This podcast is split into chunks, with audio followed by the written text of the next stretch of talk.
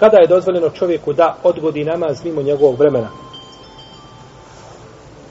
Prva situacija jeste san ili spavanje, a druga je zaborav. I ovo se obično stavlja pod jednu tačku zato što je došlo u jednom kontestu istom hadisu. Kazao je poslanik sallallahu sallam u hadisu Enesa ibn Malika, koga bilježe Buhari i Muslim, men name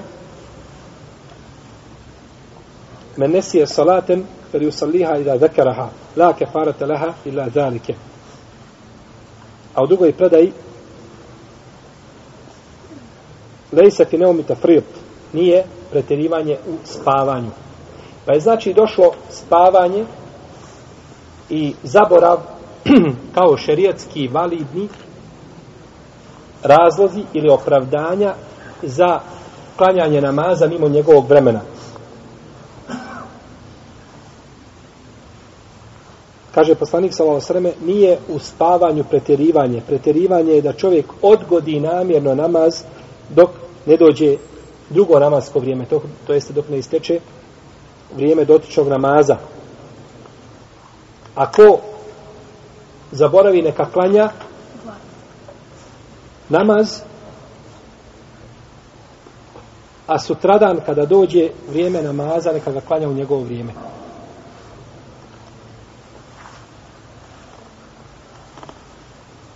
Kada čovjek zaboravi namaz, nije se probudio. Ne legao spavati i nije poduzeo ništa da se probudi. Takav biva griješan. Ako prespava namaz, biva griješan, jer je on uzrokovao šta? Ostavljanje namaza da ga klanja u njegovom pravom vremenu. No, međutim, čovjek je obavijestio oca, majku, brata, sestru, ženu, nije bitno, da ga probudi, navio sebi sat, stavio telefon, uzeo za dunjalučke uzroke koliko može. I nakon toga šta? Prespava. Takav kada ustane, klanja namaz u njegovom vremenu. Mi u šarijatu imamo nešto što se zove kada. To je naklanjavanje. A imamo nešto što se zove eda. Jer kad ljudi nije te ono za imamom, kažu edaen, je tako? Edaen, ustakbilen, ili kiblet, je tako? Sjećate se, niste ušli ni nijeta. Ne znate nijet? Bolje vam je. A, edaen, to je klanjanje namaza šta u njegovom vremenu. Zato ljudi kad nijete kažu edaen lillahi. Klanjajući Allahu edaen u vremenu u kome je propisan. A kadaen je naklanjavanje. E sad, kada čovjek ustane nakon izlaska sunca nije klanjao sabah, hoće to biti eda ili kada? Kada. Ako je nije, nije namjerno, onda je eda. To je eda. I to je klanjanje namaza šta u njegovom vremenu. Pa onaj ko bi nijetio riječima, iako nijećenje riječima nije propisano šarijetom i ne treba nijeti, dovoljno je nijeti u srcu, no međutim on će nijeti šta? Eda en lillahi. Kažemo ko nijeti već, iako to nije legitimno, no međutim ima dosta ljudi koji su naučili cijeli život tako klanja i znači naučio je da je to sastavni dio jeli nijet. Pa će nijeti šta? Eda. Neće kaba. Jer ovdje ima šta? Šarijetski opravdanje i uzor za za namaz. Ili isto tako ako zaboravi. Možemo li kazati čovjeku, ne, ne, ti se mora osjetiti namaza. Ne možemo. Čovjek koji je zaboravio nešto, Allah mu je, Allah mu je to oprostio. Tako da ne možemo, znači, opterećavati. Bili to bilo opterećenje preko njegovih mogućnosti da, da, da ga tjeramo da se sjeti? Ne može čovjek. Čovjek po prirodi svojoj, zato je, e, kaže se, el insan da je od glagola, nesije jensa, zaboravljati. I od toga je došlo el insan koji stalno zaboravlja. Stalno zaboravlja. I braćo, zaborav je blagodat od Allaha. Možete misliti da je to mahana. To je blagodat od Allaha, zaborav. Jer da se svega sjećate, prstilo bi vam glava za mjesec dana. To mozak ne bi podnio. Nego Allah učinio tako da se zaboravi, pa da napraviš prostora nečemu što je korisnije i nečemu lijepom. U protivnom čovjek ne bi to izdržao. Pa je zaborav blagodat od Allaha Đelešanu. Yes. Znači, klanja će ga edaen la qadaen. Ovo je bitno. Jer ko klanja kabajr, on naklanjava. Ne klanjaš namaz u njegovom vremenu, to je bitno. Ali ja kada sam navio sebi sat i kazao Hanumi da me probudi, ona se uspavala sa mnom i nakon toga ustao posle izgleda sunca, ja klanjam namaz u njegovo šta? Vrijeme. Kao da sam ga klanjao nakon našte pozori. Nikakve razlike nema. To je blagodat Allaha te barak prema čovjeku. I olakšica jedna nama u šarijetu. Safan ibn al-Mu'attal je imao jednu mahanu. Ima on više mahana. Po nekima. Ali ovo nisu mahane. Jednoga dana je, kako bilježi Ebu Daud, ima Mahmed sjedio sa poslanikom, sallallahu u društvu, pa je došla njegova žena. Žena dolazi, ti kod Allahog poslanika, žena dolazi kod vrhnog kadije i žali se. Kaže Allahov poslaniče, ja imam zamjerke na moga muža. Što mislite kako je to, kako je to nezgodna situacija? Žena se žali, Allahov poslanik sallallahu sluša, a ti se onda brani. Kaže, prva stvar, on kaže, kada ja klanjam namaz, udara me. Ja u namazu me udara. Kaže, završavaj to. Kada postim, ne da mi da postim. Hoću da postim, da mi post, on mi ne da. A kaže, na sabah nikada ne ustaje do izlaska sunca. Kada bi to sad ovdje čovjek došao u džamiju, neko od nas rekao, ja tako radim, tako i tako, spomenuo tri stvari, mi bismo ga zaupali na pole van džamije. Isti za džamiju, tako. Šta kaže poslanik sa osam? Ovdje nas uči jedno jako bitnoj stvari, a to je da saslušamo čovjeka koji ima šta je on kazao, ima li nešto u odbranu svoju? Pa kaže Allahov poslaniče, što se tiče, kaže, njenog namaza da je udaram, kaže, jeste, to je tačno. Ona kaže, klanja namaz i uči po dvije sure. A ja kaže, ne mogu dočekati to. Ja mladić ne mogu to dočekati. Kaže Allahov poslanik, dovoljno je, kaže, ljudima jedna sura. Da te dvije. Fatiha je jedna sura. Što se tiče, kaže, post, Allaho poslanič, kaže, ona postila po cijeli dan, a ja sam, kaže, čovjek koji je potreban žene, pa ne mogu da zlo da posti. Kaže poslanik sa osrem, ne posti žena u prisustvu svoga muža, osim uz njegov izun. Ha.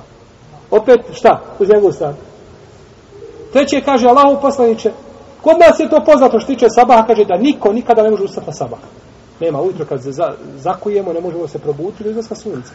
I znate da ima ljudi, kad bi ga naopačke zavezao, krenuo, on bi spao da hrko. Ne možeš ga probuditi jednostavno. Takav tvrd sam ima. Kaže, ja sam jedan od tih. Kaže poslanik sa osaleme, klanjaj kad se sjetiš. Pogledajte, braćo, kako Allahu poslanik sa osaleme nas poučava da radimo sa ljudima i da im olakšamo tamo gdje šerijat je dozvolio da se olakša.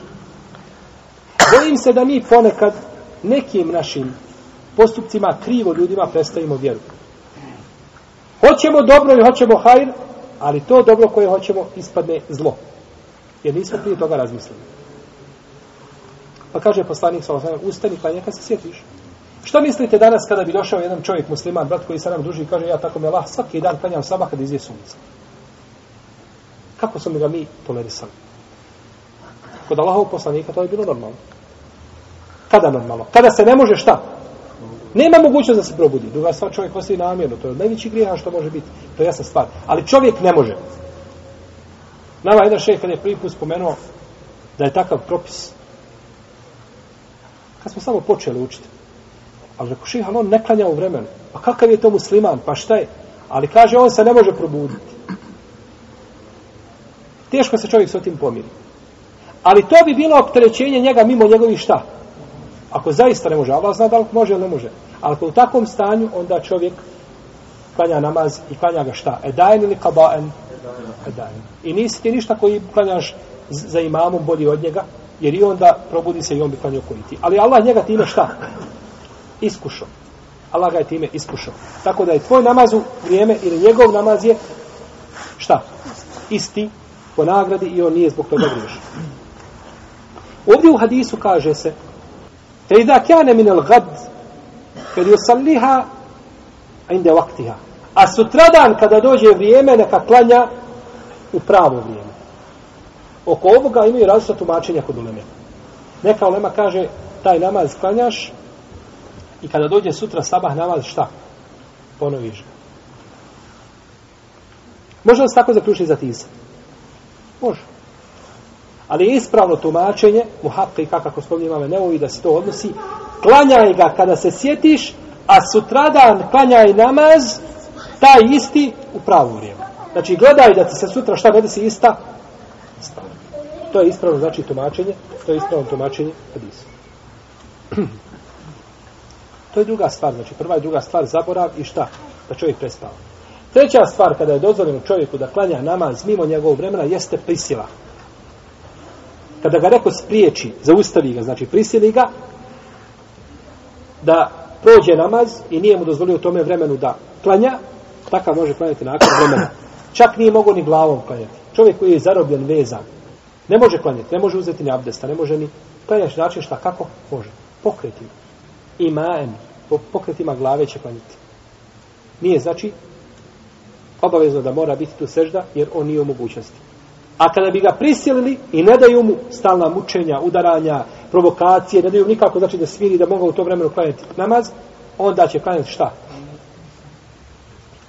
Ni u mislima ne može. Jer nije lahko čovjek da se koncentriše ni šta uči, ako je čovjek izvinut pa, ovaj, udarcima i tako dalje, mora znači, onda će klanjati nakon, nakon e, namaza. Odnosno kad prođe namasko vrijeme, klanjat će na način znači kako bude mogao. To je znači prisila. To se rijetko dešava, ali u šarijetu je spomenuto, kod pravnika je spomenuto, znači kao validno opravdanje.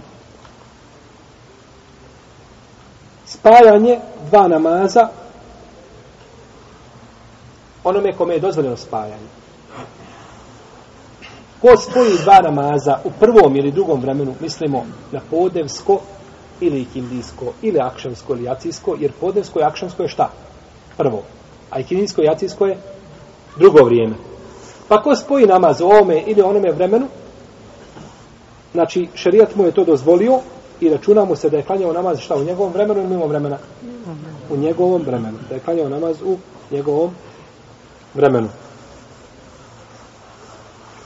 Peti slučaj kada je dozvoljeno spojiti namaze jeste šiddetul hauf. A to je veliki strah. Kada je čovjek u strahu. Odnosno dozvoljeno znači da odgodi namaz mimo njegovog vremena. Po ispravnijem mišljenju kod islamskih učenjaka. Ako ga prođe znači namasko vremena, inša Allah da neće biti griješan. I to potkrepljuje hadis da je poslanik sa osrme odgodio na bitci na Hendeku i Kindiju do Akšama. I govorit ćemo što o tome. Hadis je došao kod Buhari i kod muslima. I došao je kod Enesa, od Enesa ibn Malika je došlo da su u jednoj bitci odgodili sabah dok nije izišlo potpuno sunce. Spominje ga Ibn Hazm i kaže da Mekhul nije čuo od Enesa. Mekhul je tabin, On nije čuo, čuo od Enesa. Međutim, spominje Ibn Abi Hatib Razi u svome dijelu Merasir i drugi da je i imame Tirmizi da je ipak Mekhul čuo neke hadise od Enesa. Pa ako je samo to problem, onda možda bi hadisi mogao proći. U svakom slučaju imamo jasan postupak poslanika sallallahu alejhi ve selleme, znači da bitci na Hendeku da je klanjao i Kindiju kada nakon zalaska sunca. Nakon zalaska sunca.